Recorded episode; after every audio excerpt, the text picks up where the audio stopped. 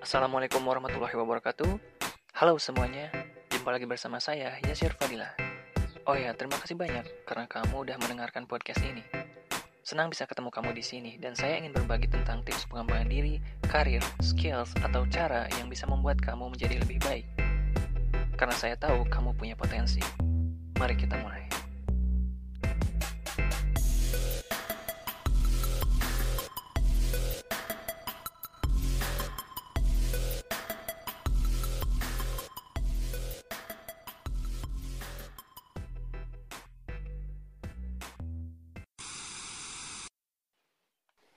Beberapa minggu yang lalu ada sebuah insiden.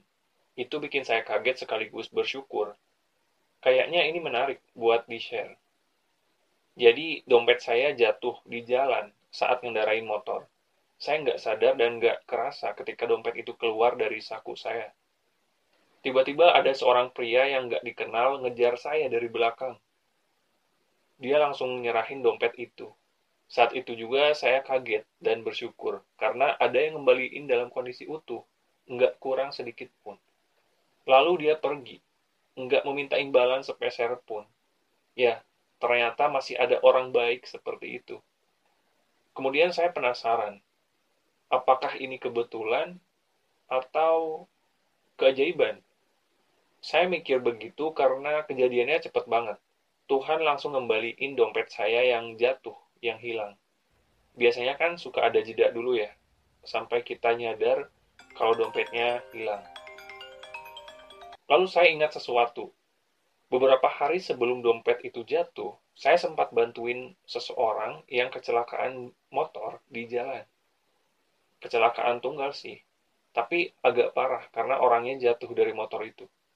Saat itu saya ada di belakangnya. Hmm, saya coba berpikir positif ya.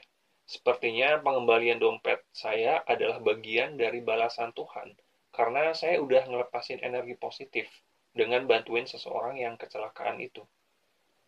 Dari kejadian itu, saya tambah yakin kalau energi positif bisa mendatangkan lebih banyak energi positif.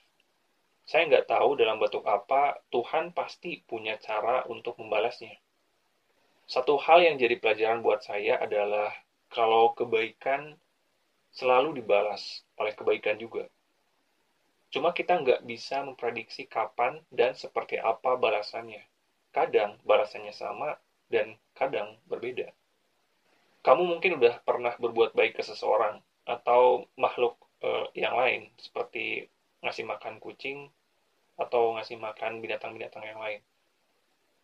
Tetapi kamu ngerasa nggak dapat balasan apa-apa gitu Ya, tenang. Coba pikirin lagi. Mungkin jawabannya dalam bentuk yang lain. Mungkin balasannya itu dalam bentuk yang lain. Ya, saya selalu percaya itu.